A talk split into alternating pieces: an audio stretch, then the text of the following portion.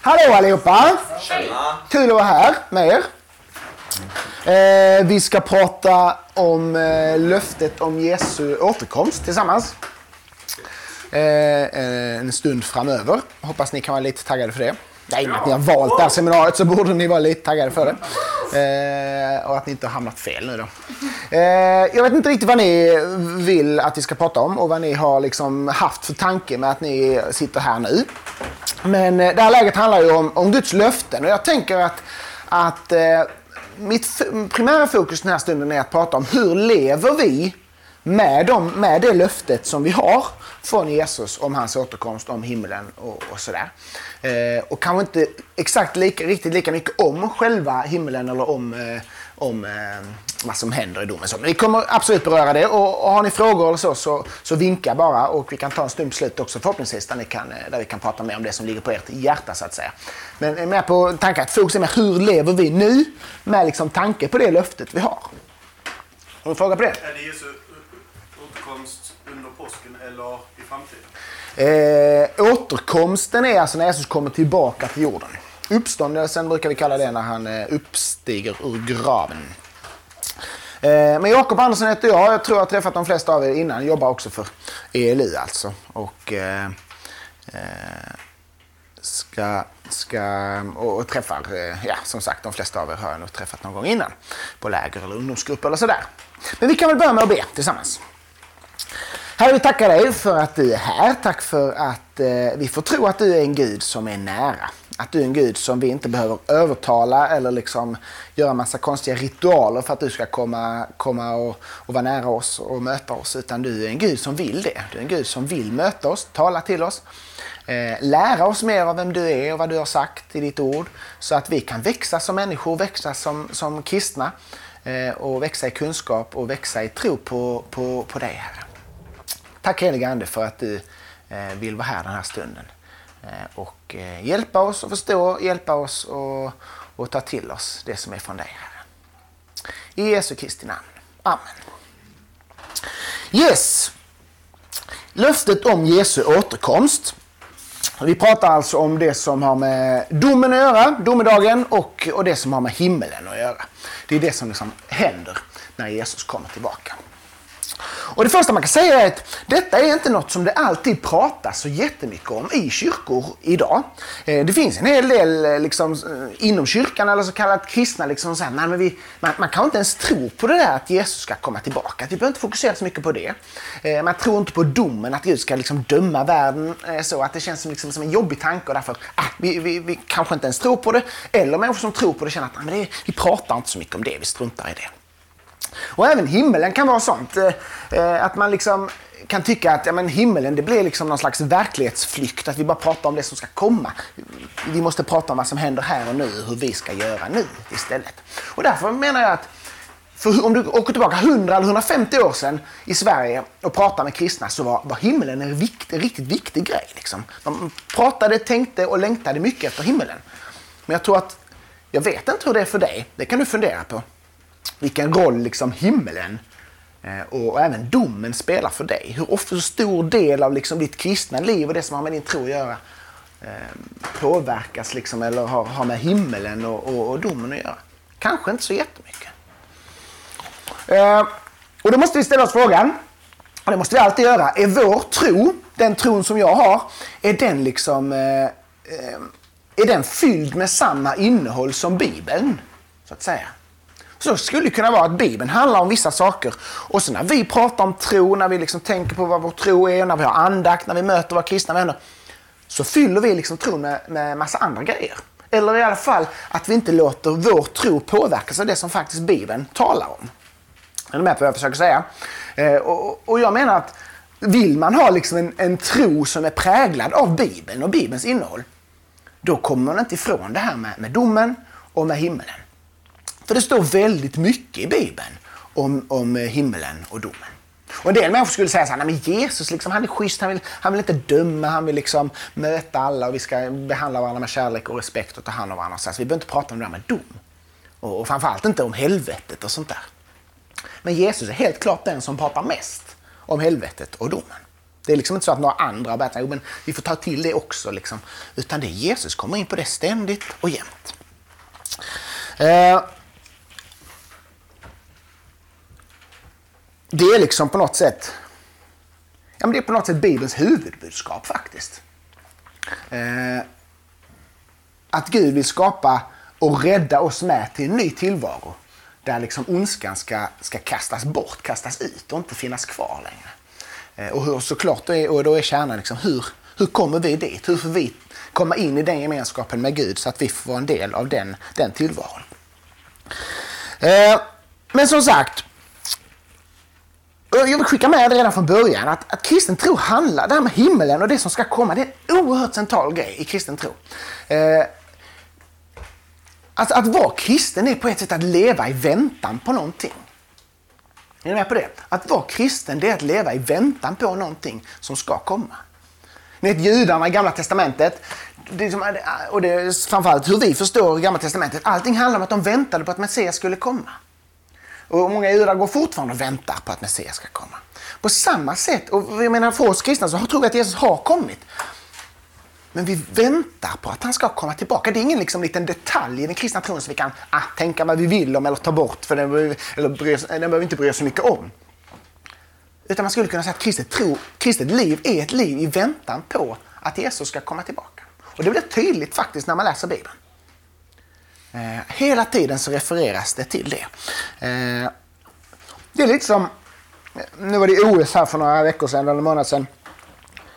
Och jag kan, jag, kan, jag kan vara lite blandad, jag vet inte hur ni känner när ni kollar på OS, men, men det kan vara lite blandade känslor. Eh, framförallt när någon misslyckas rejält i OS. Jag vet inte hur ni känner då. Är de norrmänska känner vi ha ha ha, där fick de. Eh, men, men någonstans finns det något, något liksom känsla i mig som är så, åh stackare liksom. Varför är det så jobbigt? Jo, för att de har ju satsat hela sitt liv. Alltså de har satsat, är man då elitidrottsman så är det som OS, det är det som är grejen om man är skidåkare. Alltså. Ja, då satsar man liksom fyra år dygnet runt egentligen på att få komma på, till OS och lyckas där. Och hela livet påverkas. Allting man äter, allting man gör, allting bara inrättas i det att jag ska till OS och vinna guld. Och så bara ramlar de liksom på första åket. Så var det hej då och hem igen. Liksom. Det är så blött, uh, liksom. För att hela deras liv är på något sätt inriktat på OS som ligger framför då fyra år framåt i tiden eller vad det nu är. Och då går man liksom, då går ju de bara eh, och väntar på något sätt på att det ska komma. Eh, det är liksom som om ni har fått en biljett till någon konsert eller en fotbollsmatch liksom, med någon favoritartist eller fotbollslag. Så, bara, så går man och väntar på att, jag vill liksom, att den dagen ska komma. Man har sånt fokus på den dagen. Men för en OS-idrottare så är det inte en passiv väntan. Det är inte så att de bara, ja, jag har fyra år det är OS, så nu eh, väntar vi och sen ska jag vara i liksom Pyeongchang eller var det nu är någonstans och så ska jag vinna OS-guld. Utan det där vänta, och så är det för oss kristna med. Vi lever i väntan på något som ska komma. Men det är ingen passiv väntan som är att ja, ja, då softar vi ner och skiter i hur vi lever. Utan tvärtom. I och med att vi lever i väntan på det som ska komma så, så spelar det oerhört stor roll om vi käkar pasta och kör vår fysträning och vad det nu är OS-idrottarna håller på med. Och jag vill skicka med den bilden, för jag tänker att som ung kan framförallt så tänker man att ofta att nu är jag kristen, nu vill jag liksom att Gud ska gå med mig och det hoppas jag ni vill.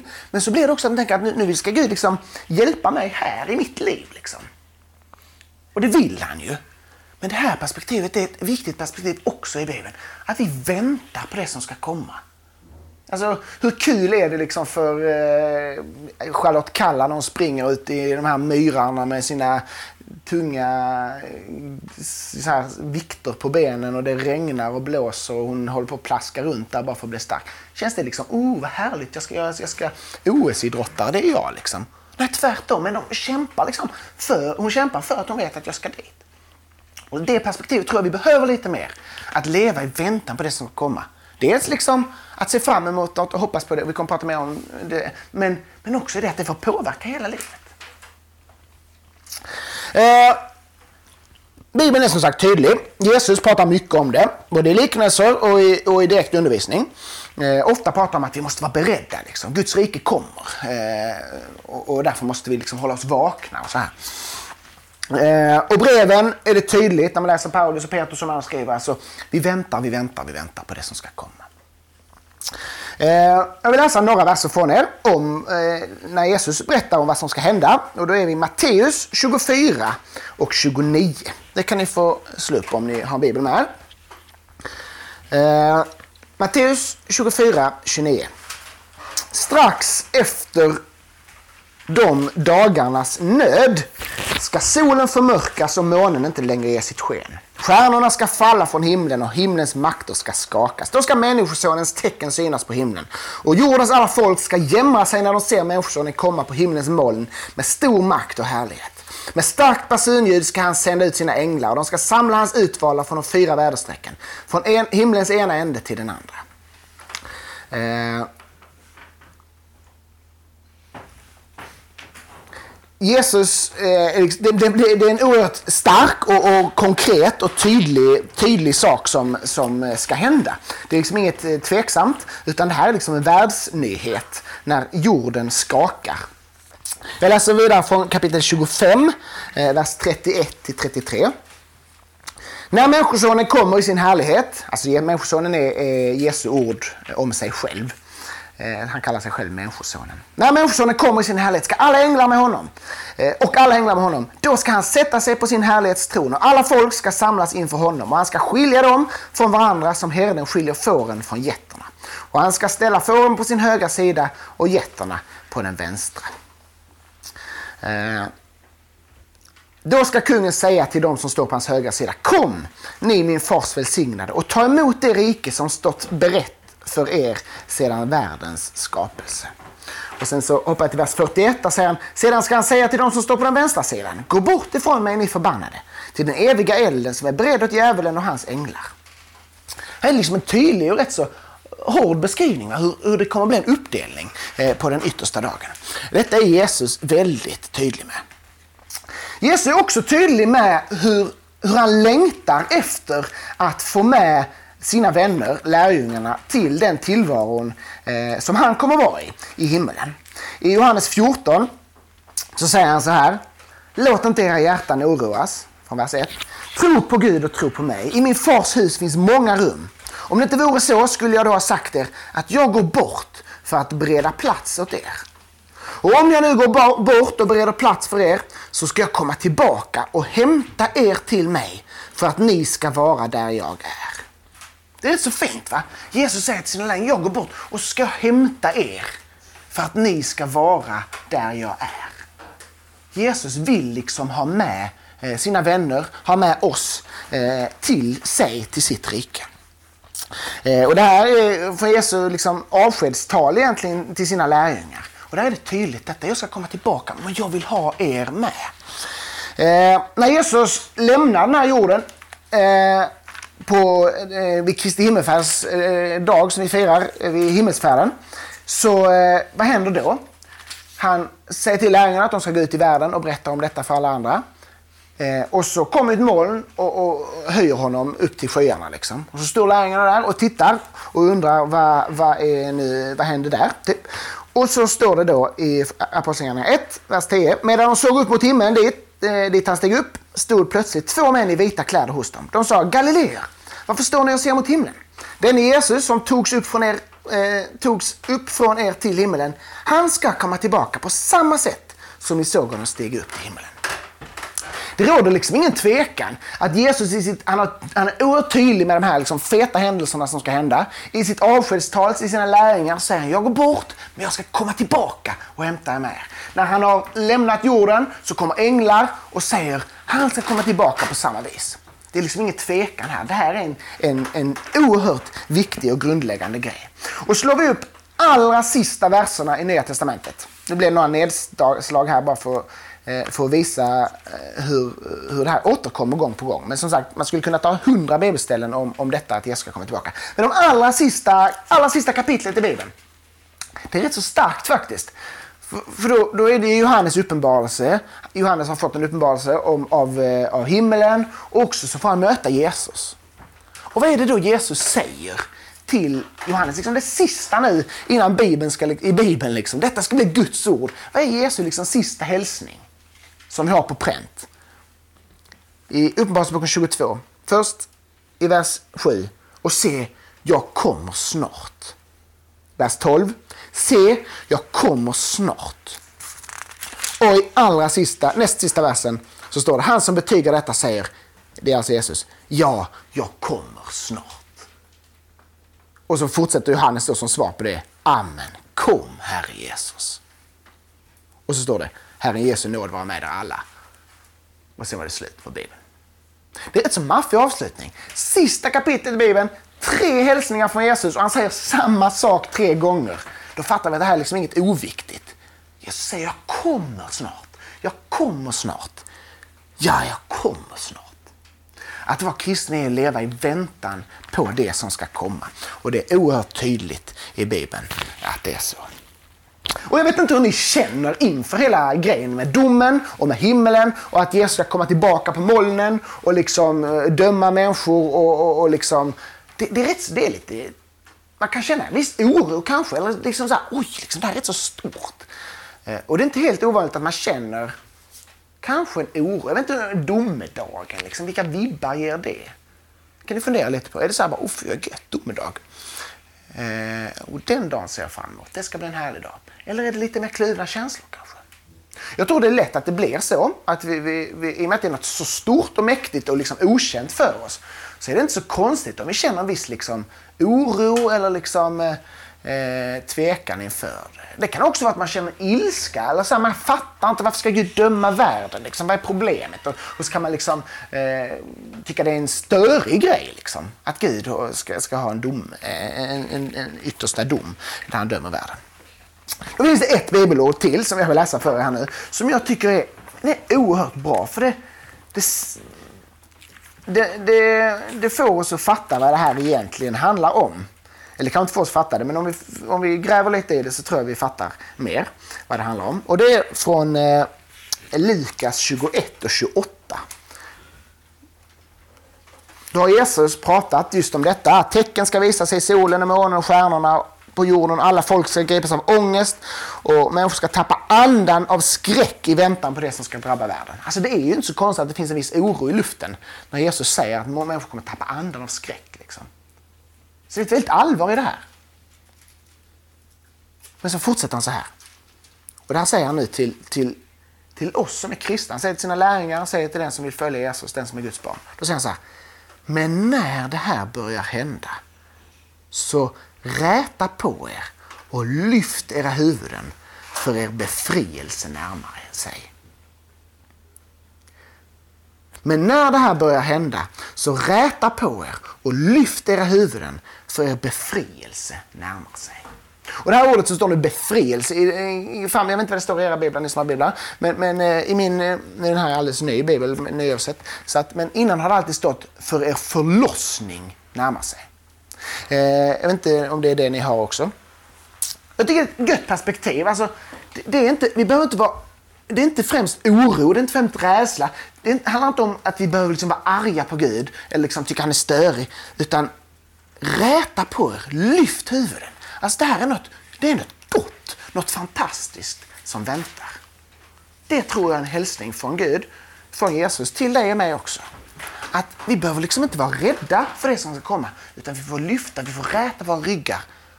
Det gör man ju när man är trygg. Går man, ska man springa igenom en, liksom en kulspruteeld, då går man inte så här. Liksom, oh yeah. Utan det är när man, men när man är glad och stolt och trygg, då kan man liksom räta på ryggen, lyfta huvudet och yeah. Det tror jag är en hälsning till oss. När det här börjar hända så räta på, era, äh, räta på er, lyft era huvuden, för er befrielse närmar sig. Och, men jag vill ställa upp för det här ordet förlossning som då står i, i, i eh, många biblar där. Och det är rätt så kul ord, eller kul och kul, men, men det är ju eh, eh, det är ett ord som används rätt så mycket i Bibeln, i alla fall gamla översättningar. Förlossning. Paulus pratar om domedagen, han säger inte domedagen, han säger förlossningens dag. Och vad är då förlossning? I och med att det är översatt med befrielse så fattar ni att det har någonting med det att göra. Men det är rätt så kul med ordet förlossning, för ibland, har ni hört det i kyrkan eller så någon gång? Att man har pratat om förlossning, eller några gamla sånger så här. Ormen krossas, vi förlossas och sådär. Eh, det, det, är ett sånt ord som man bara... Ja, men det är något kyrk, kyrkiskt ord typ, som vi inte riktigt vet vad det betyder. Fast ni har hört talas om förlossning, tror jag i alla fall. En del av er. Ni har varit med om det allihopa i alla fall. Att ni har blivit förlossade ur er mammas mage. Vi har ju KK och BB och allt vad det heter. Där vi har, eller förlossningsklinik kanske det heter. Ja. Där man i alla fall, hur som helst. Förlossning det är ju när barnet föds ut ur mammas mage. Eh, och, och, jag tycker det är rätt så god bild. Eh, liksom, vad är, ja, men, eh, nu har inte ni fött barn än. Men det är ju en viss liksom bävan och viss oro när man åker till BB eller KK och ska föda barn. Det kan jag avslöja. Det är lite sådana, oh, hur ska det här gå liksom? Det är inte bara att man bara, oh yeah, liksom, för gött, vi ska föda barn. Men samtidigt är det liksom en dyster, jobbig känsla som präglar BB, eller KK eller vad den heter. Det är på något sätt det är den största glädjen som finns. va? Eller vet inte ni, men jag kan säga det ändå som har blivit förälder. Att det är något fantastiskt. Och jag vet när vi gick sån här, med någon sån här föräldragrupp innan man ska bli förälder. Så vår så här barnmorska då, hon, hon fastnade i det deket Som jag tror att många, andra, många kristna faktiskt gör.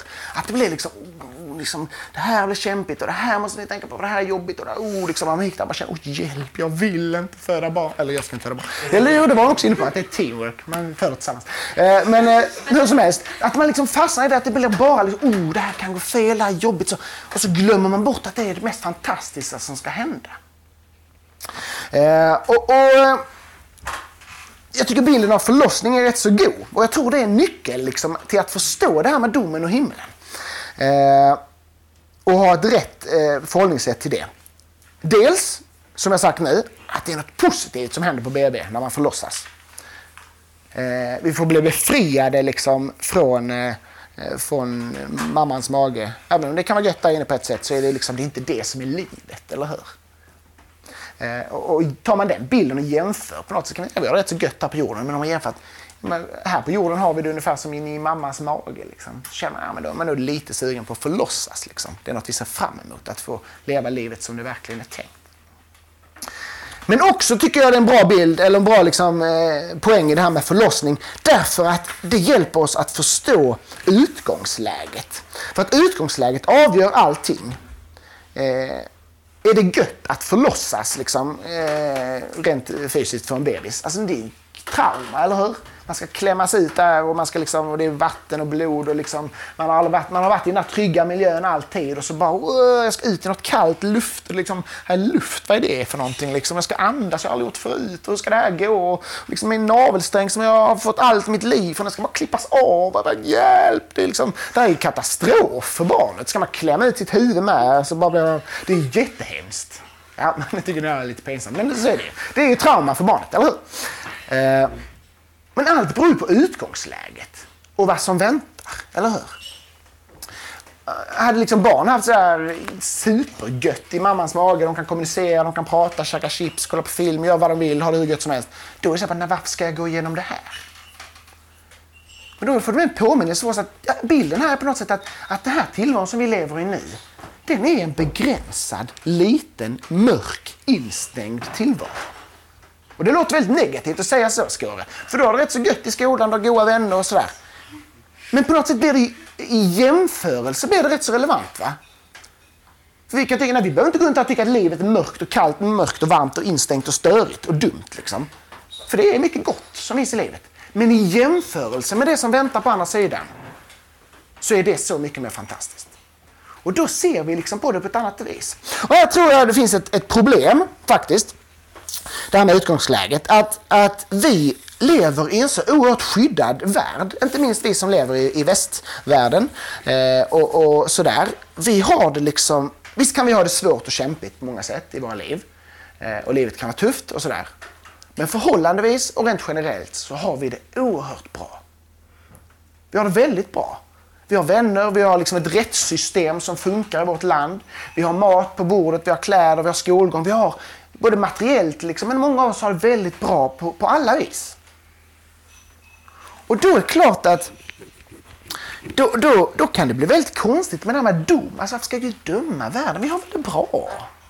Och himmel, varför ska jag längta efter himlen? Ja, det är ju bra. Det tror jag är en anledning till att, till att domen känns svår, och konstig och frånvarande eller liksom främmande för oss. Och himlen är sådär bara, ja men det är inte det vi längtar så våldsamt mycket efter. Därför att vi har det så, vi har, liksom en, ja, chips och film och allt vad vi nu tänker är det bästa som finns. In i, vår, i min mammas mage liksom. Vi har det gött. Och då blir liksom det här bara, oh jag ska ut här. Oh, det blir bara ett problem. Att Gud ska liksom, oh vi ska klippa av navelsträngar och grejer. Det blir liksom, åh oh, nej. Och här måste vi förstå att vi lever faktiskt inte, du lever inget normalt liv. Inte för att du är jätteonormal, det är vi allihopa på ett sätt. Men vi lever inte normala liv därför att vi har en tillvaro som är så, så eh, skyddad och god på så många vis. Och det påverkar som sagt både domen, hur vi ser på den, och himlen. För oss kristna då i väst så kan vi tycka att domen det är liksom något som är skrämmande eh, och, och, och, eh, och jobbigt. Va? Men för den som, om vi tittar på nyheterna idag, eh, eller igår, eller imorgon, eller när som helst, så märker vi att så många människor leder, lever under förtryck, under lidande och liksom motgång och kamp. Och för dem, den som har liksom blivit utsatt för våld och misshandel och allt möjligt skit hela livet, den är inte skeptisk mot dom. Alltså den som, tänk om du lever liksom i, ett, i ett äktenskap eller i en relation där någon ständigt misshandlar dig, både psykiskt och verbalt på alla vis. Och så kommer liksom polisen och griper den personen. Och den blir dömd, satt i fängelse, så den inte kan fortsätta med det. Är du så åh fy vad störigt med dom liksom och poliser, de ska bara lägga sig i och så. Nej, det är ju något fantastiskt, eller hur? Och att vi har den inställningen kanske till domen att varför ska Gud döma? Det kan ju vara lite avslöjande. För vem är det som är skeptisk mot en dom? För om ni går in i en domstols, domstolsförhandling, vad heter det? Domstolsförhandling. Vem är det liksom som är skeptisk mot domen? Ja, det är ju inte den som är liksom utsatt, eller hur?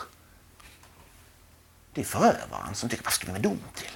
Jag menar inte att ni är förövarna. Men det är lite avslöjande att vi har en kritisk inställning. Nej, nej, det behövs inte. Men jag tror det bygger på att vi har en så, lever i en så skyddad värld.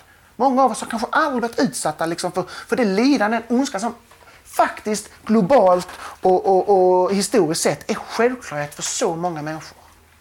För de är liksom domen handlar inte om att Gud är liksom petig och störig och lägger näsan i blöt. Och vill liksom, det handlar om att han vill göra slut på ondskan. Att han vill låta rättvisa och rättfärdighet få regera. Att han vill liksom slå ner näven och säga, nu får det vara nog med det här. Det är något gott va?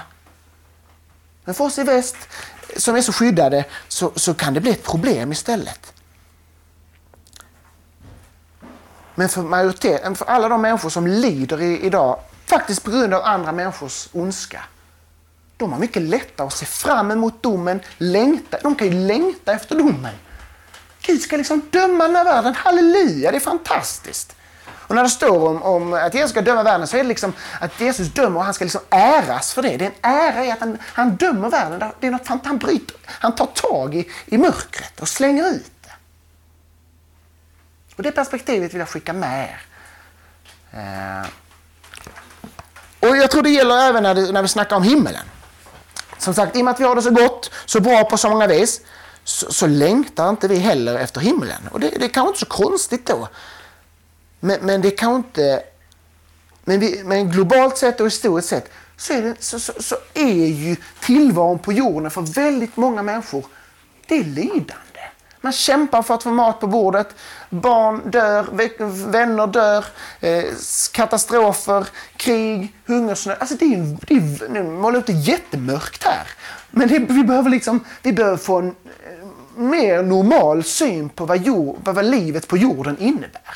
För vi tänker att livet på jorden, ja det är tacotisdag och eh, fredagsmys liksom. Det är gött, man får gå till gratis skola och sen trycker man på en knapp så kommer det ut en colaburk och så serverar morsan mat. Ja, det är väl gött med livet liksom. För många människor är livet en kamp. Alltså, vi lever rätt så skyddade från syndafallets konsekvenser. Och därför är det så lätt att allt det här bara blir teori för oss. Ja, just det. Gud ska göra upp med ondskan. Ja, just det. Han ska skapa en ny himmel där det, finns liksom, där det blir gott. Liksom. Men det blir bara en teori. För vi tycker att det är schysst som vi har det. Men vi lever faktiskt inte riktigt normala liv. Vi lever liksom väldigt, på många sätt väldigt Och det är något fantastiskt som vi ska vara tacksamma för och tacka Gud för och, och, och, och värna om. Liksom. Men vi lever rätt så skyddade från syndafallets konsekvenser. När man läser man liksom om ni kollar så här sångböcker från, eh, med sånger från, eh, det fanns ingen sån här, men, men från 1800-talet så är det rätt så mycket liksom att Gud ska, mycket mer fokus på himmelen. Att Gud ska rädda oss från denna jämmerns dal. Jämmerns dal, det är liksom en, ett ord som beskriver jordelivet. Jämmernsdal. Alltså här är bara gråt och plåga. Vi kan tycka, men vilken negativ syn de har på livet. Hallå! Tacotisdag och fredagsmys. Varför är du så negativ liksom? Ja, det kan ju såklart vara dike att man faller över i det och oh, allt blir bara bekymmer. Men vi måste förstå verkligheten. Har ni lärt typ så här Utvandrarna, liksom, böckerna? Alltså, folk bara dör liksom. Så åker, liksom, skörden slår fel och så bara... Ja, ni, ni fattar min poäng. Eh, kanske är det också när vi får möta lidande som vi mer kan längta efter det som är eh, efter himmelen. Efter det som ska komma. Himmelen är en nystart för det verkligt goda livet. Eh, men jag tror, även om vi har det materiellt bra, så tror jag många av oss ändå kan känna och märka i våra liv att vi, vi längtar efter något, vi saknar något.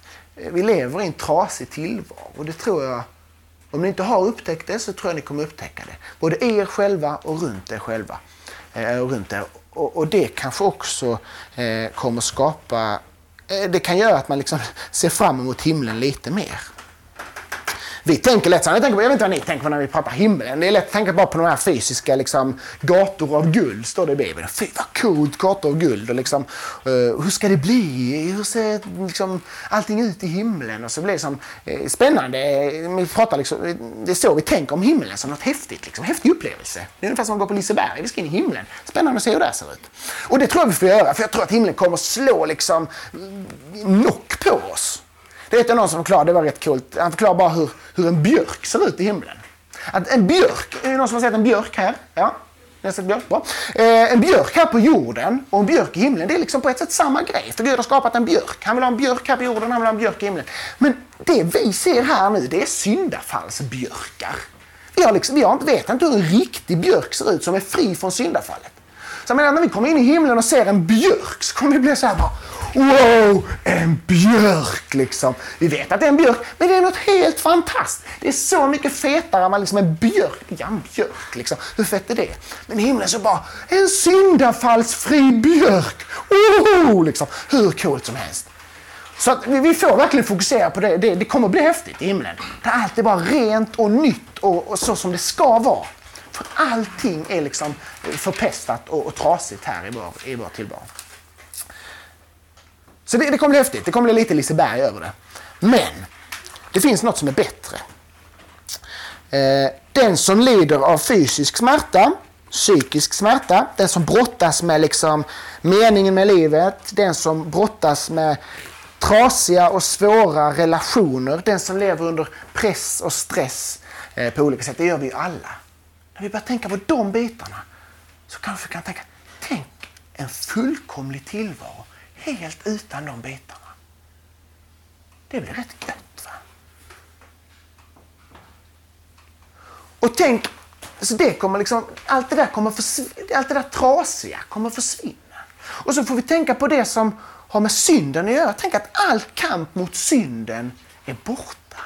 Synden som kommer utifrån, ondskan liksom. Men också synden i ens eget liv. Tänk att bara slippa hålla på och brottas med det här mycket som finns i ens liv. Bara få upptäcka, ah, det här blir, jag, är liksom, jag, jag funkar som jag ska. Jag är inte trasig längre. Det, det tror jag kommer bli liksom mycket fetare än att se en björk. Liksom. Eller en gator av guld eller vad det nu är. Även om det är väl bara en bild kanske. Men att liksom få vara, jag funkar som jag ska. Jag är fri från synden helt och hållet. Vi kan inte fatta vad det innebär. Eh, men det bästa, det tror jag kommer vara det näst bästa, men det bästa av allt tror jag kommer vara att vi får liksom stå ansikte mot ansikte med Gud själv. Vi kommer att möta Gud.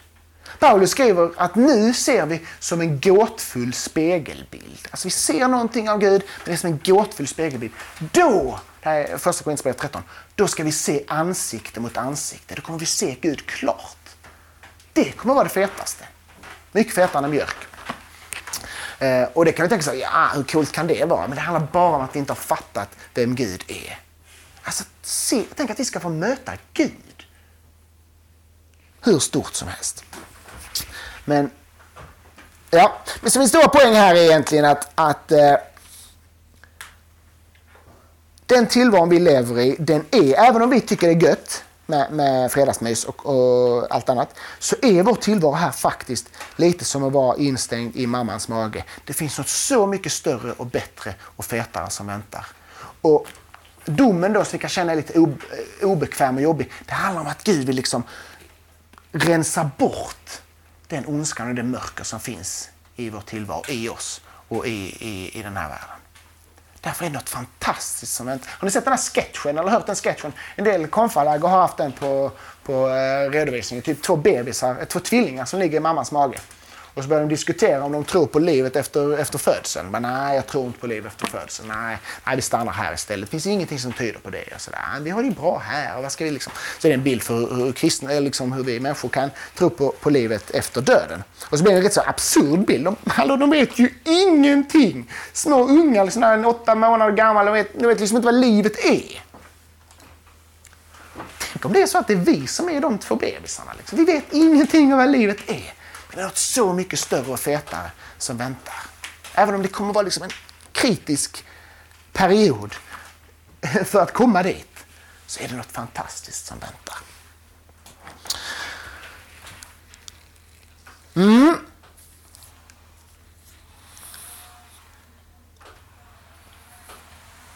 Hur påverkar då eh, dessa löften oss idag? Eh, hur lever vi eh, med, liksom, på, som jag sa, en OS-idrottare som ska till OS. Det är inte bara så om fyra år då är jag Pyeongchang, nu käkar jag chips. Utan det som väntar, det påverkar, får påverka och forma, forma varje dag egentligen. Hur kan vi leva som kristna idag och vara liksom formade och präglade och leva i den här väntan som Bibeln är så oerhört tydlig med eh, att, att vi ska leva i. Eh, Några frågor och funderingar förresten först, eh, om det är något ni, ni, undrar över, över det jag sagt eller något annat som, som ni vill ta. Så kan vi, kan vi göra det innan vi går in på de här eh, mer konkreta. Annars tar vi alla frågor efteråt. Inget som ni grubblar på precis som detta. Då går vi vidare så får vi se var vi landar. Eh, men jag vill ta er med till ett eh, bibelställe, Andra Petrus brev. Eh, där Petrus skriver om, eh, om eh, att leva i väntan. Eh, vad är Johannes? Andra Petrus brev, vers, eller kapitel 3 eh, och vers 8 och framåt. Här är som Petrus, eh, som jag sa innan. När Jesus lämnar jorden, då påminner ängeln han ska komma tillbaka. När Jesus har sitt avskedstal med sina lärjungar, då säger han jag ska komma tillbaka och ta er med. När Jesus eh, säger de sista orden i Bibeln, då är det jag kommer. Det är ett oerhört viktigt perspektiv. Petrus, den största lärjungen, liksom, ledaren lärjungen, när han nu skriver sitt sista brev, andra Petrus brev, hans sista kapitel i sitt sista brev. Det är liksom det sista han skickar med. Vad är det han pratar om tror ni? Jo, Jesu återkomst. Och då säger han så här. En sak får ni inte glömma mina älskade. För Herren är en dag som tusen år och tusen år som en dag. Herren dröjer inte med att uppfylla sitt löfte så som en del menar. Nej, han har tålamod med er eftersom han inte vill att någon ska gå förlorad utan att alla ska få tid att omvända sig. Men Herrens dag kommer som en tjuv och då ska himlarna försvinna med våldsamt dån och himlakropparna upplösas av hetta och jorden och dess verk inte mer finnas till. När nu allt detta går mot sin upplösning, hur heligt och gudfruktigt, gudfruktigt bör ni då inte leva medan ni ser fram emot Guds dag och påskyndar dess ankomst? Den dag som får himlar att upplösas i eld och himlakroppar att smälta av hetta. Men efter hans löfte ser vi fram emot nya himlar och en ny jord där rättfärdighet bor. Därför mina älskade, när ni nu väntar på detta, gör allt ni kan för att bli funna rena och fläckfria inför honom i frid. Rätt så häftig bild han målar upp att, att eh, liksom om det här, eh, återigen det här feta som kommer hända, men så säger han att konsekvenserna av det är att vi ska leva gudfruktigt, att vi ska leva rent och fläckfritt. Och så säger han också påskynda den här dagens ankomst. Eh, och jag vill eh, på detta temat, eh, hur ska vi leva, som Petrus här är inne på, lyfta fram åtta stycken saker eh, till sist här, eh, som liksom får eh, åtta konsekvenser, åtta eh, saker som hur detta på något sätt får påverka våra liv som kristna idag. Löftet om att Jesus ska komma tillbaka, att han ska döma världen och att han ska, eh, ska skapa nya himlar och ny jord. Det första jag vill skicka med, sju punkter blir det. Sju punkter. Det första har med, med tanke på domen att göra. Det innebär att vi som tror på Jesus, vi behöver inte slåss för vår sak. Vi behöver inte fightas för vår rätt. Därför att Gud ska döma världen. Det är den klurigaste punkten, så tycker ni den här är konstig så, så håll ut. Men det är en rätt så viktig poäng faktiskt. I och med att vi vet att rättvisa ska skipas av Gud själv, så behöver inte vi skipa rättvisa själva. Det betyder att när någon slår dig på den ena kinden, så på ett sätt är det ju rätt att slå tillbaka. Alltså därför att han har gjort fel. Liksom. Men därför säger Jesus något annat. Därför att domen är Guds. Gud ska döma istället. Vi kan liksom ta orättvisor. Därför att vi vet att rättvisa en dag ska skipas. Det här är ett väldigt utmanande perspektiv som Paulus och Petrus skriver mycket om i sina brev. Han menar att Petrus skriver i sitt brev här, eller första brevet, att det är nåd att få lida oskyldigt. Så någon som gillar att lida oskyldigt, ni att ni har inte gjort något, någon tror att det var du som gjorde det och du får skräp och skit för det. Det säger Petrus, det är nåd. För då får vi göra som Jesus gjorde. Och hur kan man göra det? Hur ska jag liksom... Ah, det var ja, liksom. Det var, liksom. Eller när någon liksom... Ja, ni, vet, ni vet känslan av att bli orättvist behandlad. Kristen, eh, kristen, Bibeln menar att vi kan liksom bara ta, vi kan vara ödmjuka, precis som Jesus gjorde när han blev misshandlad och slagen. Ta ett steg tillbaka och veta, Gud kommer döma. Gud kommer fixa rättvisa. Jag behöver inte göra det. Eh, det kan man ha pratat jättelänge om, för det är ett rätt så klurig grej. Men jag vill skicka med det som faktiskt är en sak. Att vi behöver inte liksom slåss för vår rätt. Vi kan på något sätt vara okej okay med orättvisa. För att, för att Gud ska skipa rättvisa. Det andra jag vill säga är såklart att vi kan leva, eh, himlen ger oss tröst och hopp. Eh, när livet är svårt, när livet är tungt, när livet är kamp, när vi inte förstår oss på varför Gud inte hjälper eller ger oss det som vi tycker att han borde ge så får himlen ge oss ett perspektiv på att Gud håller på. Gud står vid sina löften. Allt, han kommer ställa till rätta det som inte står till rätta idag, det som är jobbigt idag. Och det tror jag är ett viktigt perspektiv. För jag tror att många av er kan brottas med varför hjälper inte Gud mig? Varför, gör Gud, varför låter det Gud det här onda ske, så att säga? Varför gör han inget? Och då är Bibelns svar, jo, han gör någonting. Han håller på att göra någonting. Och en dag kommer det bli uppenbart. Vi är liksom mitt i den processen. Därför ger himlen tröst och hopp till oss i lidandet och i kampen. Vi behöver inte säga att, eh, liksom, vi behöver inte lämna Gud och säga Gud, jag fattar inte varför du inte gör någonting. Utan vi tror att Gud gör någonting. Och när livet är kaos och kamp och lidande och tufft och allt bara är skit och du känner att livet är meningslöst. Så kan på något sätt hoppet om vad som väntar eh, ge dig nytt mod. Därför är det superviktigt att tänka på himlen. En kristen som inte tänker på himlen tänker bara så här, men Gud om du finns så hjälp mig då. Gud om du finns så hjälp mig då. Hjälp mig då. Du hjälper inte mig. Då finns du inte. Eller bryr du dig inte.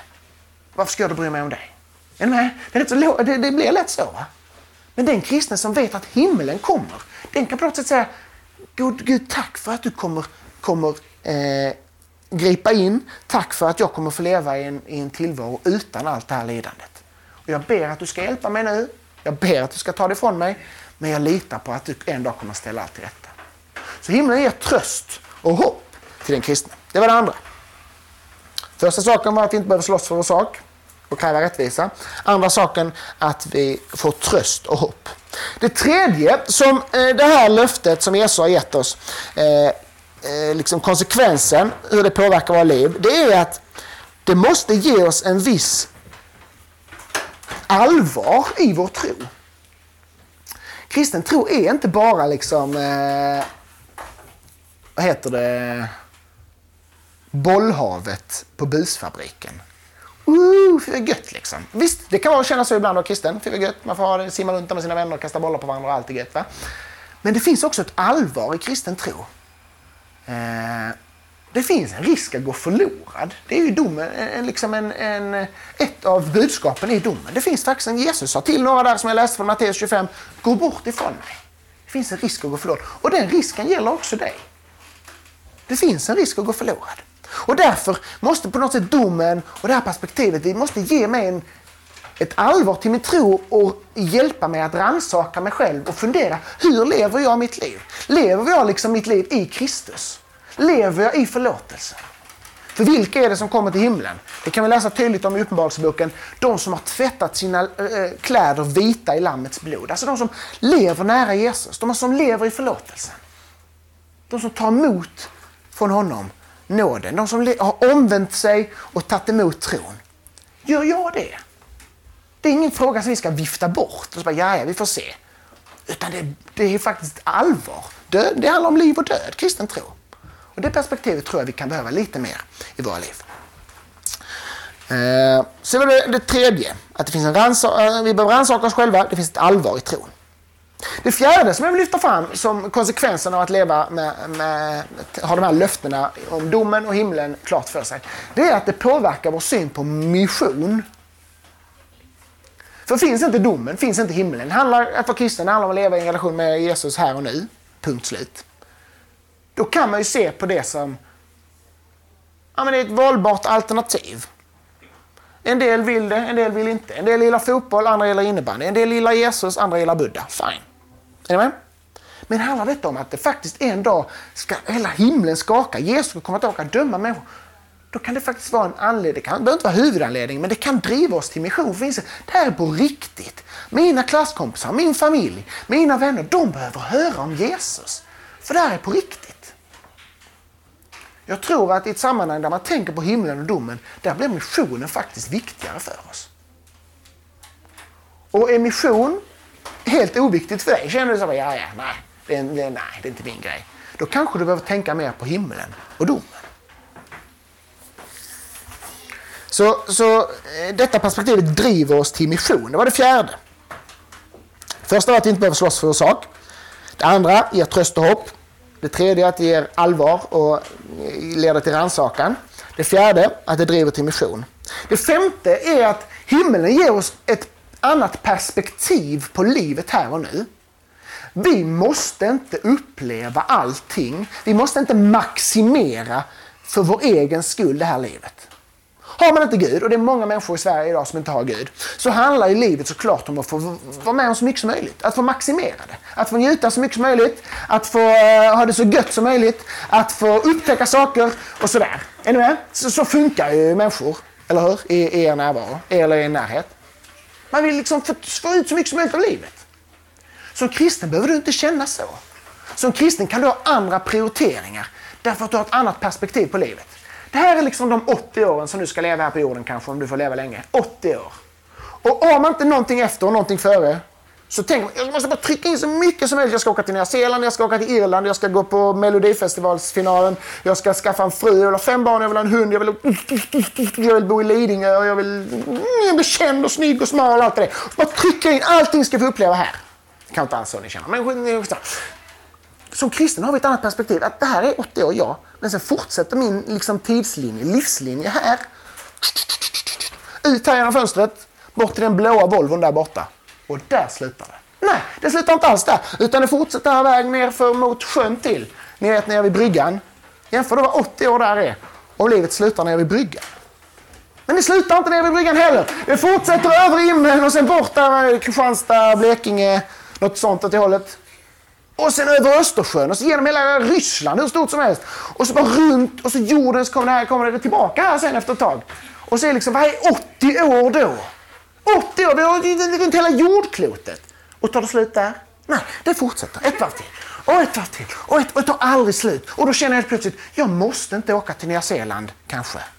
Jag måste inte vara med om allting. Jag måste inte ha fem hundar och en Volvo och en villa och allt. För att jag har, en, jag har något jättelångt som väntar. Jag vet inte vad ni har för drömmar. Förmodligen helt andra än vad jag har. Nej, det var inte mina drömmar. Jag bara tog exempel. Men ni fattar poängen. Det ger ett helt annat perspektiv på mitt liv. Det här var lite... Mm. Men om det här lilla mm, den här lilla biten kan påverka vilka människor som kommer med till himlen, då inser jag att det är det som är det viktiga med den här lilla stunden. Inget annat. Så att himlen ger ett annat perspektiv på livet. Jag tänker så seriöst. Jag har varit på Nya Zeeland en gång till. Jag på ett sätt har en dröm. Jag vill tillbaka till Nya Zeeland. Samtidigt känner jag att nej, det blir nog Nya Zeeland i himlen för mig. För Nya Zeeland på himlen måste vara mycket fetare än vad Nya Zeeland är på jorden. Så varför ska jag liksom lägga energi på det nu? Jag tar det i himlen istället. Får en fetare upplevelse. Och så kan jag vara där mycket längre. Typ en halv evighet eller något. Ni fattar? Det var det femte. Annat perspektiv på livet. Det sjätte då, nu är vi snart i mål. Det sjätte är att himlen, den här snurredutten här runt jorden, eh, jorden runt, som är så fantastisk, så fullkomlig, så att en björk får oss att liksom, eh, få blackout. Och som varar så länge. Det är ett mål som är värt att kämpa för. Det är ett mål som är värt att kämpa för. Att ha det perspektivet ger kämpaglöd till ens kristna liv. Jag vet inte hur ni känner ibland. Så bara, ja, men jag skulle gärna vara kristen men, eh, men Bibeln är så svår så att nej. Eller jag har fotbollsträning när det är ungdomsgrupp så att nej, jag skiter i det. Det, det här med kristen tro var inget för mig.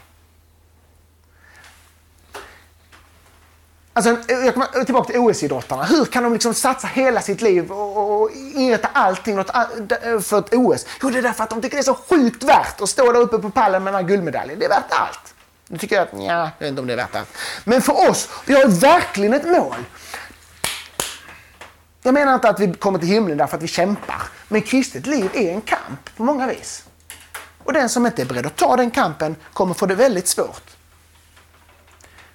Att ha målet i sikte gör att vi, vi kan kämpa. Ja, men det är kanske inte så kul alltid. Nu men, låter det som att kristen tro är något jättejobbigt. Det är inte det jag menar. Men det, det, vet ni alla att det är på många sätt kämpigt också. Men att ta den fighten därför att vi, något fantastiskt väntar. Det är värt att kämpa för. Så det ger oss eh, ett mål som är värt att kämpa för. Det sjunde och sista jag vill säga med himmelen eh, och, och, och ha med det perspektivet, det är att det handlar om tillhörighet, var vi hör hemma. Paulus skriver i Filipperbrevet 4 att vi har vårt medborgarskap i himmelen och därifrån väntar vi vår Herre Jesus Kristus som frälsare. Filipperbrevet 4 och 3 och 20. Vi har vårt medborgarskap i himmelen och därifrån väntar vi vår Herre Jesus Kristus som frälsare. Han ska förvandla vår bräckliga kropp och ge oss en ny kropp som är lik hans. Eh, att tänka på himmelen, att ha med det i sin tron, tro handlar också om tillhörighet. Jag vet var jag hör hemma. Det är inte här, jag är inte svensk först och främst. Utan jag är liksom en del av Guds familj, en del av Guds rike. Jag har vårt medborgarskap i himlen, säger, säger Paulus. Alltså. Det är som att i passet, vad står det i ditt pass? Svensk kanske? Skriv ut det, skriv himmelsk liksom. Och ändra ditt efternamn till typ Gudsson istället för Andersson. Det är liksom vem du är. I vår tid lever vi liksom mycket, mycket energi för många unga människor, inte minst i vår tid, handlar om vem är jag? Det finns det sjukt mycket möjligheter. Man kan göra vad som helst. Eh, och därför handlar så mycket, Eh, lägger så mycket energi och så mycket av livet handlar om att ta reda på vem är jag? Vem vill jag vara? Är jag punkare? Nej, är man inte för länge förresten. Är jag, men eh, ni fattar. Är jag en sån som klär mig så? Eller är jag en sån? Är jag en plugghäst eller är jag en idrottskille? Är jag ska, vem är jag liksom? Här kommer liksom detta perspektiv så oerhört befriande. Du har ditt medborgarskap i himlen. Du är på semester, eller ja, en tuff semester klart. Men du är semester här i 80 år. Du tillhör något annat. Du har din tillhörighet till något helt annat. Det är inte konstigt att du kan känna att livet är liksom svårt och främmande. För så känns det ibland när någon som varit på liksom semester på ett ställe där man inte kan språket alls. Någon som varit där, då man känns rätt så lost liksom. Jag vill äta, men hur säger jag att jag ska äta? För ingen fattar vad jag menar. De räcker mig liksom en eh, bil när jag vill ha en hamburgare. Jag känner mig lost. Det är inte konstigt att ni kan känna er främmande och lost i den här världen. På 1800-talet skrev man sånger som gick typ så här. Jag är en gäst och främling som mina fäder här. Mitt hem är ej på jorden, nej ovan skyn det är. Hem, hem, mitt sköna hem. Ej finns en plats på jorden så skön som du mitt hem.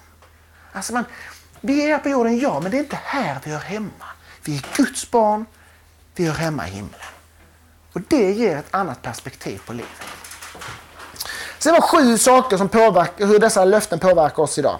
Vi behöver inte slåss för en sak, vi kan ta orättvisa för vi vet att Gud ska döma och skipa rättvisa. Vi får tröst och hopp av det som väntar. Vi får ett allvar, vi får rannsaka oss själva, hur lever jag? För det finns en, eh, ett allvar och en risk att gå förlorad. Eh, det driver oss till mission. Det här är på riktigt, folk måste få reda på det. Det ger oss ett annat perspektiv på livet. Jag behöver inte vara med om allting nu. Jag kan satsa på det som är riktigt viktigt för jag har gott om tid i himlen att upptäcka och göra allt annat. Eh, det här är ett mål som är värt att kämpa för, även de dagar då det känns som man inte orkar mer. Och det handlar om tillhörighet, vem du är, var du hör hemma. Därför tror jag det är viktigt att, att tänka och ha med liksom, eh, domen och, och det här löftet om Jesu återkomst, om himmelen, i sitt, eh, i sitt liv. Att det inte bara är en teori, utan något som får, liksom, som får prägla oss och forma oss.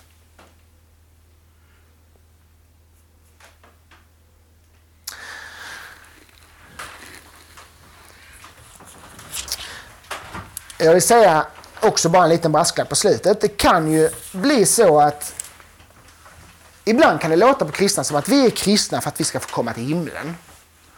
Eh, och nu har jag lyft fram hur viktigt det är att vi tänker på himlen. Samtidigt vill jag bara lägga in, för att ibland kan det bli bland kristna att, att vi är kristna för att komma till himlen.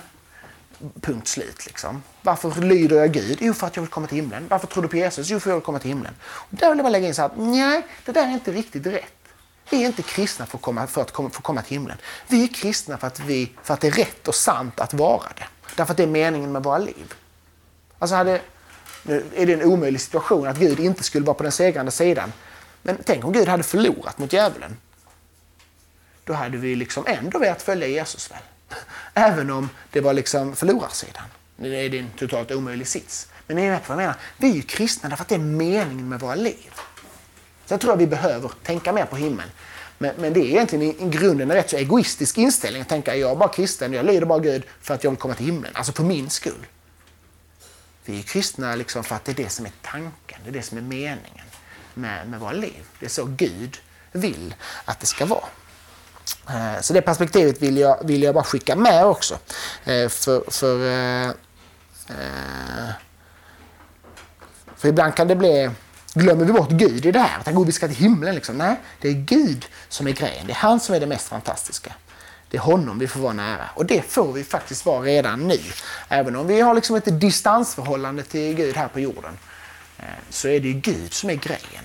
Inte att vi ska få, få ha det liksom lite bättre. Så att säga. Yes, ska vi be? Herre, vi tackar dig för, för eh, dina löften Jesus om att du ska komma tillbaka. Att du, ska, att du vill ta oss med. Tack för att det som du sa till lärjungarna den sista kvällen innan ditt ledande, det gäller också oss. När du sa att du vill att du går bort och bereder plats för oss. I din faders hus finns många rum och att du vill komma tillbaka och ta oss med eh, till, till, till den platsen. Herre. Hjälp oss att gå på dina vägar, Herre. Hjälp oss att inte gå miste om det otroliga som du erbjuder. Hjälp oss att inte gå bort från dig. Utan hjälp oss att leva nära dig, i beroende av dig, i förlåtelsen Herre. Att vi får omvända oss från det som är vårt eget och gå din väg istället.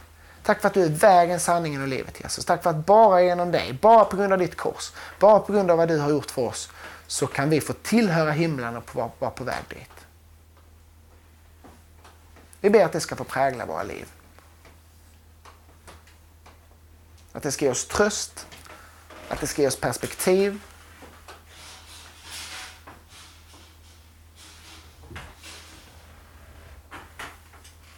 Tack Jesus för att vi har något fantastiskt att se fram emot. Tillsammans med dig, tillsammans med varandra. Vi ber i Jesu namn. Amen. Som sagt, nu har jag mest liksom pratat, har jag gjort.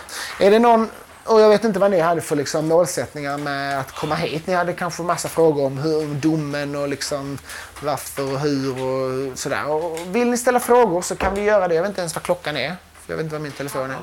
Den stämmer. Gött. Eh, när händer nästa sak? Är det nio halv? Ah, smart. Kvällsmat vid sex. Yes. Eh, är det någon som har någon fråga, fundering utifrån det här temat som ni vill lyfta?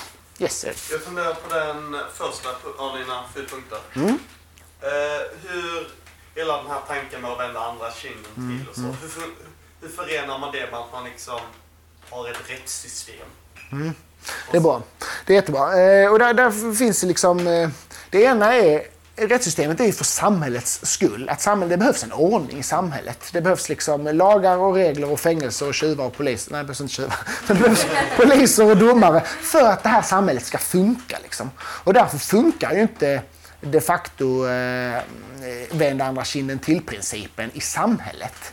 Eh, så att bara, ja, du mördade tre personer men du, vi, vi vänder, du får en ny chans och sådär. Vi får, alltså, utan i samhället så är det rätt så tydligt och det är Bibeln också tydlig med att liksom, överheten har fått eh, svärdet eh, för att det liksom behöver styras upp så att säga. Eh, men jag kan i mina relationer på ett personligt plan eh, behöver inte driva min rätt så att säga. Sen är det självklart så, alltså, just det, det är bara du säger, för om man har varit utsatt för ett brott så är inte min tillämpning här att ja, ja, strunt samma, du behöver inte polisanmäla det för att Gud ska ändå döma. Liksom. För att ur ett samhälleligt perspektiv så, så är det självklart så att, eh, att eh, det ska polisanmälas och, och, och sådär. Men jag som liksom individ behöver inte eh, jag behöver liksom inte driva hämnden så att säga på ett personligt plan mot den som, jag måste inte liksom slåss för min rätt.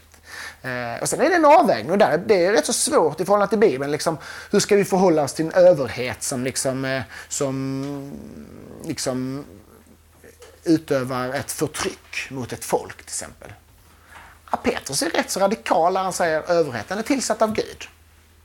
Vi, vi får böja oss för den. Den, den är tillsatt av Gud och den, liksom, eh, den, den eh, har fått det ansvaret och då får vi böja oss. Och då kan man tycka att det är bara för att han inte kände till eh, liksom Saddam Hussein och alla, alla Assad och sådana snubbar. Liksom, och de ska man inte böja sig Fast vänta nu, Petrus liksom. Vilken var överhet för honom? Ja, det var ju, det var ju landshövdingen Pontius Pilatus som hade dödat Jesus. Kejsar Nero som snart skulle avrätta eh, Petrus själv. Alltså, han säger ju det, han vet ju att det, de dödar ju oss. Men på något sätt säger han att vi, vi ska under, under, underordna oss så som Jesus gjorde. Eh, och där kan kristna tänka olika. En del menar att, vi liksom, eh, att kristen tro ska liksom manifesteras i att vi står upp mot orättvisor och, och, och tar den fighten och, och, tar till svärdet så att säga. Men det är inte helt självklart med Bibeln där hur, hur man ska förhålla sig till de bitarna faktiskt. Eh, men jag som individ behöver liksom inte driva hämnden och behöver inte driva, jag behöver inte driva min rätt egentligen. Utan jag kan på något sätt bara, okej, okay, jag blir orättvist behandlad här, det här blir fel. Men tack eh, Gud för att du sköter eh, rättvisan. Jag behöver inte fixa den biten. Det kan vara rätt utmanande. Men Petrus första brev, han inne rätt mycket på det. Och där utmanar han oss verkligen på det. Slavar ska liksom, om de har herrar som misshandlar dem så ödmjuka er. Liksom så här. Vi, vi går Jesu väg. Han ödmjukade sig. Han blev spottad och misshandlad och slagen. Vi ödmjukar oss. Det, vi går i hans efterföljelse. Så det är ett rätt så utmanande perspektiv faktiskt. Just, du har en hand uppe eller hade med detta att göra? Ja, men det blir inte så relevant. Nej, så kan det vara. Eh, någon annan fråga, fundering kring dom, himmel etc. etc. Det finns en tanke i en del av kristenheten att det ska komma en ny himmel och en ny jord, alltså en ny skapelse. Just det. Och så finns det en tanke om att denna jorden ska förhärligas och att vi ska få leva kvar här. Mm. Så att Nya Zeeland kommer att vara Nya Zeeland men upprättad. Just det. Det finns lite olika tankar kring vad som väntar oss. Ja. Vad, är, vad är din tanke? Vad upplever du att Bibeln? Jag upplever att det finns, det finns stöd för båda de sätten att, att se på, på tillvaron, eh, eller se på, på, på det. Eh, att Gud ska skapa nya himlar och ny jord, det behöver inte de facto innebära att han liksom tar ny materia, utan han kan ju, det kan ju vara att han nyskapar den här jorden så att säga. Eh, så att jag, jag kan tycka att, det- och det finns goda teologer som hävdar båda sätten. Så. Ett perspektiv som ofta lyfts fram i sammanhanget då är ju att om det är den här jorden som Gud ska nyskapa, då måste vi ännu mer tänka på att ta hand om den. Men det perspektivet kan jag tycka är lite konstigt för att Gud kommer ändå skapa den ny fullkomligt. Och vi kommer ha ju ändå ett ansvar för jorden oavsett om vi kommer få en ny jord eller inte. Så, så att, rätt så ofta kan jag tycka att det lyfts fram som ett argument kanske för folk som liksom driver mycket grön tro. Att det liksom att vi har, och det, det har vi såklart en kallelse att ta hand om jordklotet. Men jag tycker kanske inte riktigt att det är relevant för att vi har ändå ett ansvar att ta hand om jordklotet och Gud kommer ändå skapa nytt. Men, men det är en rätt utmanande tanke. Eh, för poängen blir på något sätt, ska vi bort härifrån? Liksom. Eller är det så att Gud kommer hit, eller Jesus kommer hit och upprättar det här? Men för mig har det inte jättestor betydelse en del, man kan lägga in också liksom syn på det materiella, alltså något sätt, att det blir en förandligad kristendom om vi tänker att vi ska bara bort från den här jorden, vi ska upp till liksom himlens ljusa salar och där ska vi hoppa runt och spela harpa. Liksom. Och då finns det ett perspektiv, nej, nej, nej, nej. Så Gud har skapat jorden för att han vill ha jorden som jorden är. Och då vill han göra himlen också så, så att himlen är fysisk, himlen konkret, himlen finns buskar och björkar och bilar i himlen. Liksom. Eh, så att det är inte så att det är något luddigt konstigt, utan Gud skapade jorden för att han vill ha den så här och då vill han ha den så. så att jag tycker inte, men jag tycker inte det spelar så stor roll egentligen. Eh, visst, det kan eh, man kan falla i ett dike om man tänker att vi ska bort härifrån. Att ja, skit i miljön liksom, och, och skit i det materiella och fysiska för att vi ska ändå bara hoppa runt i, i, på moln sen. Och, men det, det, det, det, är ett dumt perspektiv ändå. Så att säga. Men det finns som sagt båda de perspektiven, kan man, så kan man tänka. Eh, både och. Jag tycker inte det finns något jättetydligt i Bibeln. Så.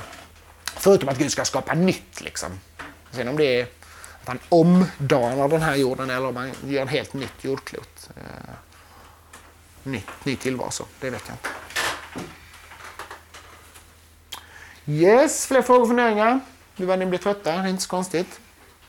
Lördag eftermiddag. Får man vara trött? Fråga på det. Mm. Eh, personlig fråga. Vad är din mm. största förväntan på himlen? Ut, eh, utöver att liksom få möta Gud ansikte mot ansikte. Vad hoppas du ska finnas där? Liksom. Ja, men jag tror jag var inne lite på det, att vi tänker lätt på det här liksom björken och gator och guld och det liksom häftiga så. Men på något sätt, sen drog jag det liksom inåt till att Fast det här med att få vara liksom hel som människa, alltså det är så mycket större. Både fysiskt, liksom mina eländiga knän, tänker inte behöva ont i dem längre. Men kanske ännu mer liksom insikt, tänk bara få vara hel, ha liksom en helt sund självbild och liksom var, kunna älska sig själv fullt ut och ha liksom ett, liksom, en, liksom vara helt ärlig både mot sig själv och andra och kunna älska människor rent liksom och inte med massa störiga, syndiga motiv och egoismen. Liksom. Alltså, det är helt klart det jag längtar efter mest, förutom att bara få se Gud. Liksom. Alltså, måste bara jag det är också klart en ego eller subjektiv egoistisk upplevelse, men på något sätt bara att få uppleva hur det är att vara hel. Eh, både fysiskt men också då framförallt själsligt in, insidan. Alltså det, det är så coolt alltså. Jag tänker att ju äldre man blir desto mer ser man av sin egen kanske brustenhet på olika vis. Därför tror jag att ju äldre man blir desto mer längtar man efter himlen.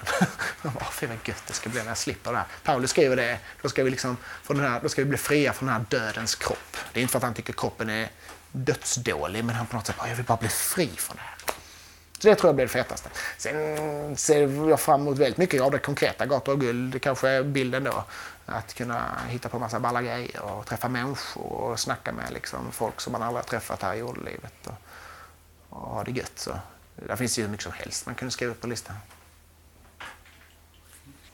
Alltså, jag vet inte hur man ska formulera, men med tanke på det här att liksom få bli hel. Mm. Eh, är det fel att önska sig att hellre vara i himlen än att vara på jorden? Alltså Paulus gör ju lite det i Filipperbrevet 1. Han skriver jag slits åt båda hållen. Jag, jag skulle bara vilja lämna och gå till det som är bättre. Men för er skull är det bättre att jag är kvar. Jag måste finnas här för att liksom lära er vad kristen tro är. Men han är, han är verkligen fight. Jag, jag slits, jag vet inte vad jag ska välja. Jag menar, Gud har ändå satt oss här på jorden. Mm. Ja, men jag, i himlen. Alltså... Ja. Jag menar, det, det, finns ju inget som rättfärdigar att liksom, nu vill jag till himlen så därför dödar jag mig själv. Eller liksom att nu skiter jag i den här världen för jag vill liksom bara dit. Så. För Gud har verkligen, och det är Paulus tydlig med det, att jag sliter åt båda hållen men jag lägger det liksom i Guds händer. Eh, det han vill, det, det, så ska det bli. Liksom. Men känslomässigt vad han, så, så kan jag ha i båda. Alltså det hade varit gött att få se ännu fler församlingar växa och ännu mer människor komma till tro. Men det hade varit så gött att bara få komma hem. Så att det, jag tycker det, det är helt sunt och rätt att längta efter himlen. Det är det. Och, och hoppas att man skulle och vilja vara där. Men sen liksom får man inte glömma bort, eller man får inte bara det perspektivet utan man måste ändå ha perspektivet att men nu är jag här och nu vill Gud att jag ska vara här. Uh, jag funderar på så att när man kommer till himlen, det kommer, man kommer ha en evighet att göra liksom allting. Mm. Nu i detta livet har vi ju någonting som vi jobbar emot. Mm. Vi liksom vill att vi och så många som möjligt ska komma till himlen. Mm. Men där kommer vi ju liksom inte riktigt ha något direkt mål. Eller hur var Ja, det var en jättebra fråga. Ehm, jag tror att Gud i sig själv, treenig Gud, Fader, Son och Helig Ande, vad har han för mål? Han är. Han älskar. Han, han, han har gemenskap. Det är, liksom, det är gott nog. Han skapar inte jorden för att han behöver ha något att göra eller för att oh, jag måste, liksom, måste dela min kärlek. Men han är fullkomlig i sig själv. Och jag tror att när vi kommer till himlen då dras vi liksom in i det här treeniga varandets gemenskap. Vi bara är och vi njuter. Liksom. Eh, och, så det är inget problem. Eh, sen tror jag att vi kommer fortsätta utveckla.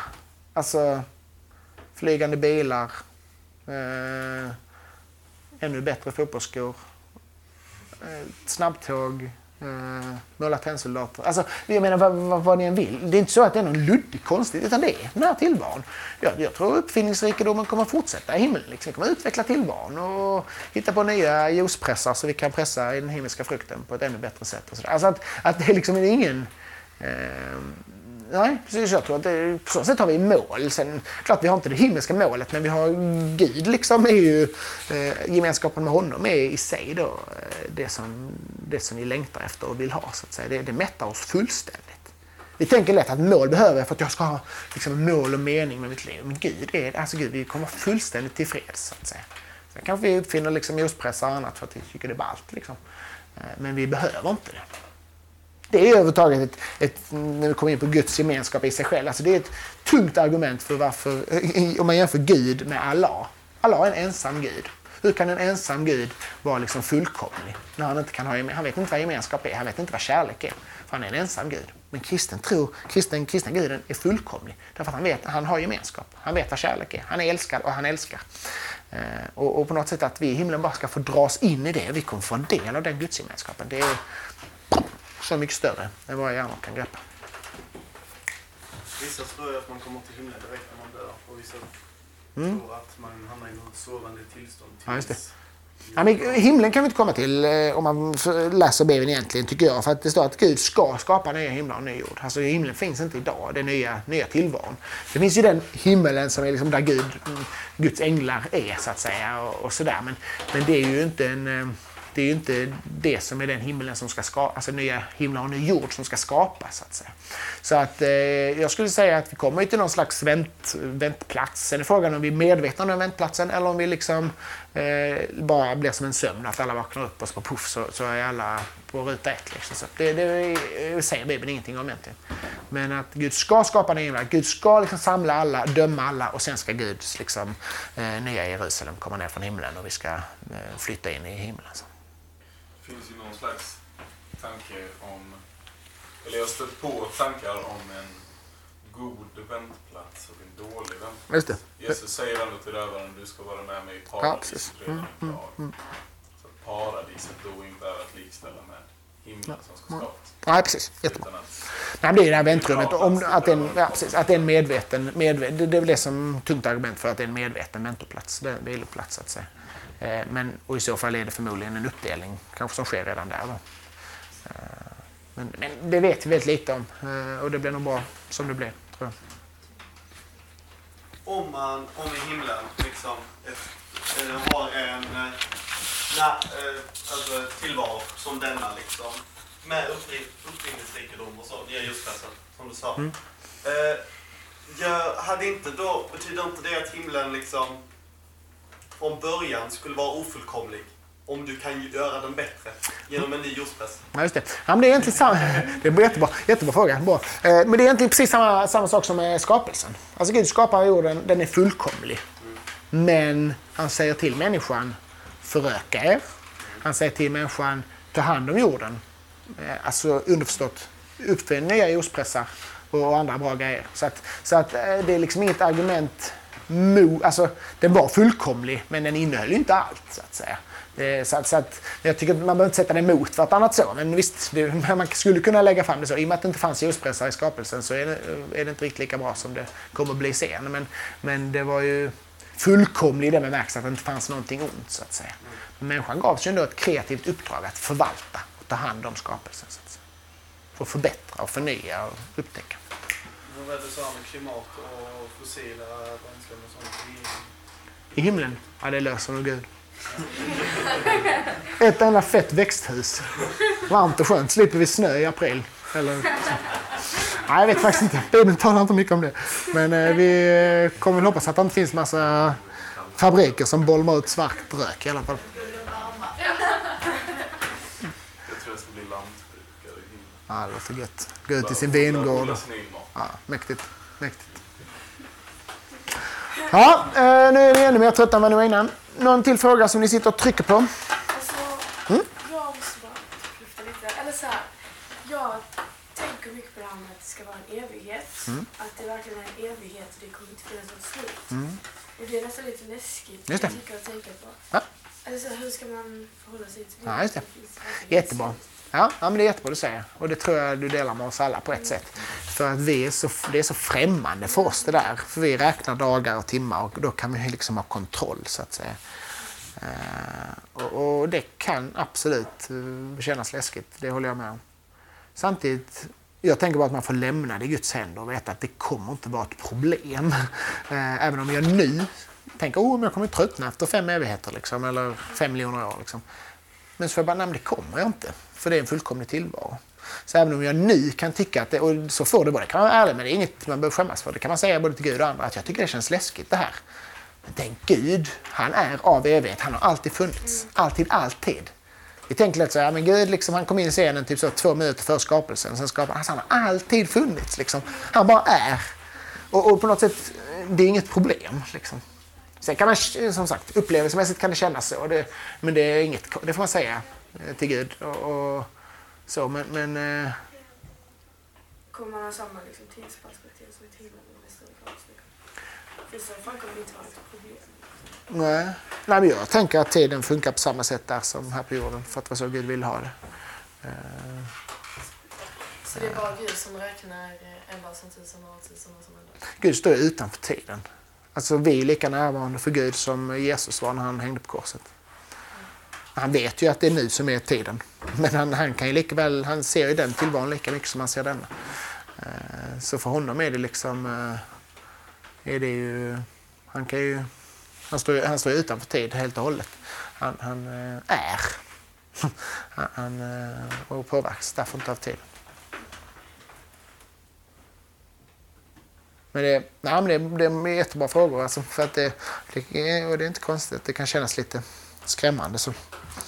Men det är återigen det här, det är ju lite perspektivet av bebisen som ligger i mammas mage. Liksom. Hjälp, luft, jag vet inte vad det är. Jag vet inte om jag vill ha det. Alltså, så, jo, det vill du. Bara det att du har lite begränsad förståelse. Och så skulle man kunna säga till dig nu, evighet, alltså jag... Så här. Eh, bara, jo, det är nice. Eh, inget mot dig, jag tror vi tänker så allihopa. Jag har nästan aldrig sett fram emot himlen. Nej. Eller det, det har kommit mycket mer med tiden. Men eh, som sagt, jag tror mycket blir, alltså min huvudpoäng lite är ju att vi ska vara glada och stolta och se fram emot det för det är något gott som kommer. Men, men någonstans också inse att vi lever i en trasig värld och det kanske vi inte får smaka så våldsamt mycket av. Men när vi väl får det så kanske vi kommer fatta mer hur gött det är med himlen så att säga. Men jag har en fråga. Um, det kan, inte, kan det finnas sorg i himlen? För jag tänker, alla människor kommer inte komma till den. Även personer som man gillar väldigt mycket. Och, ehm, Jättebra fråga. Hur förhåller vi oss till dem? Nej, alltså. nej. Hur förhåller vi oss till dem? Mycket bra. Eh, det vi vet är att Jesus ändå talar om det, eller Bibeln talar om det som glädjens dag. Och att glädjen kommer att bli fullkomlig. Eh, men på något sätt är det också tillbaka till Gud. Alltså det är den tillvaron som Gud lever i alltid. Gud är fullkomlig. Men han på något sätt sörjer han ju de människorna som inte vill leva med honom. Men, men han är ändå fullkomlig. Alltså han är inte nedstämd, deprimerad, dyster så att säga. Men det, det allvaret finns ju där. Och det så, så, jag vet inte om vi liksom bara kommer glömma det, men det är väldigt svårt att tro. Men jag tror vi bara kommer vara liksom förlikade med att ja, så var det. Så de ville inte. Eh, och, och, eh, och det är inget vi kommer må dåligt över. så. Eh, även om, det, om vi tänker på det, och det utgår jag från att vi kommer kunna, så kommer det kunna smärta oss så. Men, men, men sorg, alltså den aktiva sorgen, jag tror på något sätt att vi är tillfreds med det ändå på något sätt. Det var ett dåligt svar kanske, men... Eh, ja, det står att det ska inte finnas någon sorg mer. Eh, men det är en jättebra fråga. Och det är vissa sådana frågor kommer vi inte få något riktigt svar på. Det.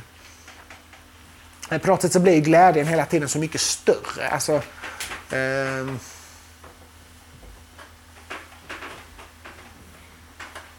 ja. Så är ju livet på något sätt. Att det finns sorg men det finns också glädje. Och himlen kommer glädjen bli så kubik mycket större. Så att sorgen kommer kanske liksom... Vetskapen om det kommer finnas där men det kommer liksom dränkas i den eh, glädjen. David? Eh, Jag minns inte exakt vilken vers, men Jesus säger någon gång var och en ska få efter sina gärningar. Alltså kommer det vara så här, depression. Något Ja, just det. Det verkar som att det finns någon slags lönesystem i himlen. Eh, sen exakt vad det innebär, det är väldigt svårt att säga. Men, eh, men det finns, eh, talas ju ändå om lön i himlen. Inte bara lön som att vi ska få komma in i himlen, utan också lön i himlen. Så. Sen exakt vad det innebär, det är väldigt svårt, eh, svårt att svara på utifrån Bibeln. Men att någon, på något sätt att det finns någon, liksom, din lön ska bli stor i himlen. Din lön ska bli liten i himlen. Eh, utifrån hur vi har levt våra liv här på jorden. Ja, det, det verkar vara en tanke som finns i Bibeln. Men det är svårt att göra en teologi av det. Att nu ska jag göra det här för att då kommer jag lite högre position i himlen. För i himlen är det inget problem att ha en lägre position. Det är liksom ingen, ingen fight på det sättet om det. Men, men det är en tanke som, som man kan tycka är lite konstig. Eh, framförallt som lutheran där man vet att vi är frälsta av nåd, nåd, nåd, nåd. Inte på grund av gärningar utan nåd, nåd, nåd. Och så, men de, ja, det perspektivet finns faktiskt där. Eh, någon slags löne löneskillnader i himlen verkar det kunna finnas. Men det är inget som... Himlen. Mm. Sen exakt vad det innebär som sagt, det är svårt att säga. Det kommer bli bra. Det blir bra. Vilka kroppar kommer vi ha? Våra egna förhärligade. Vi ska... eh, vilka liksom... Vilken ålder? Ja, man kan få välja det när man checkar in. Vill du ha en 35-åring, 30, 25, 70? Ska man leva med? Ja, 15. Det är en mycket bra fråga. Det står ingenting om det i Bibeln. Eh, annat än att vi kommer känna igen varandra.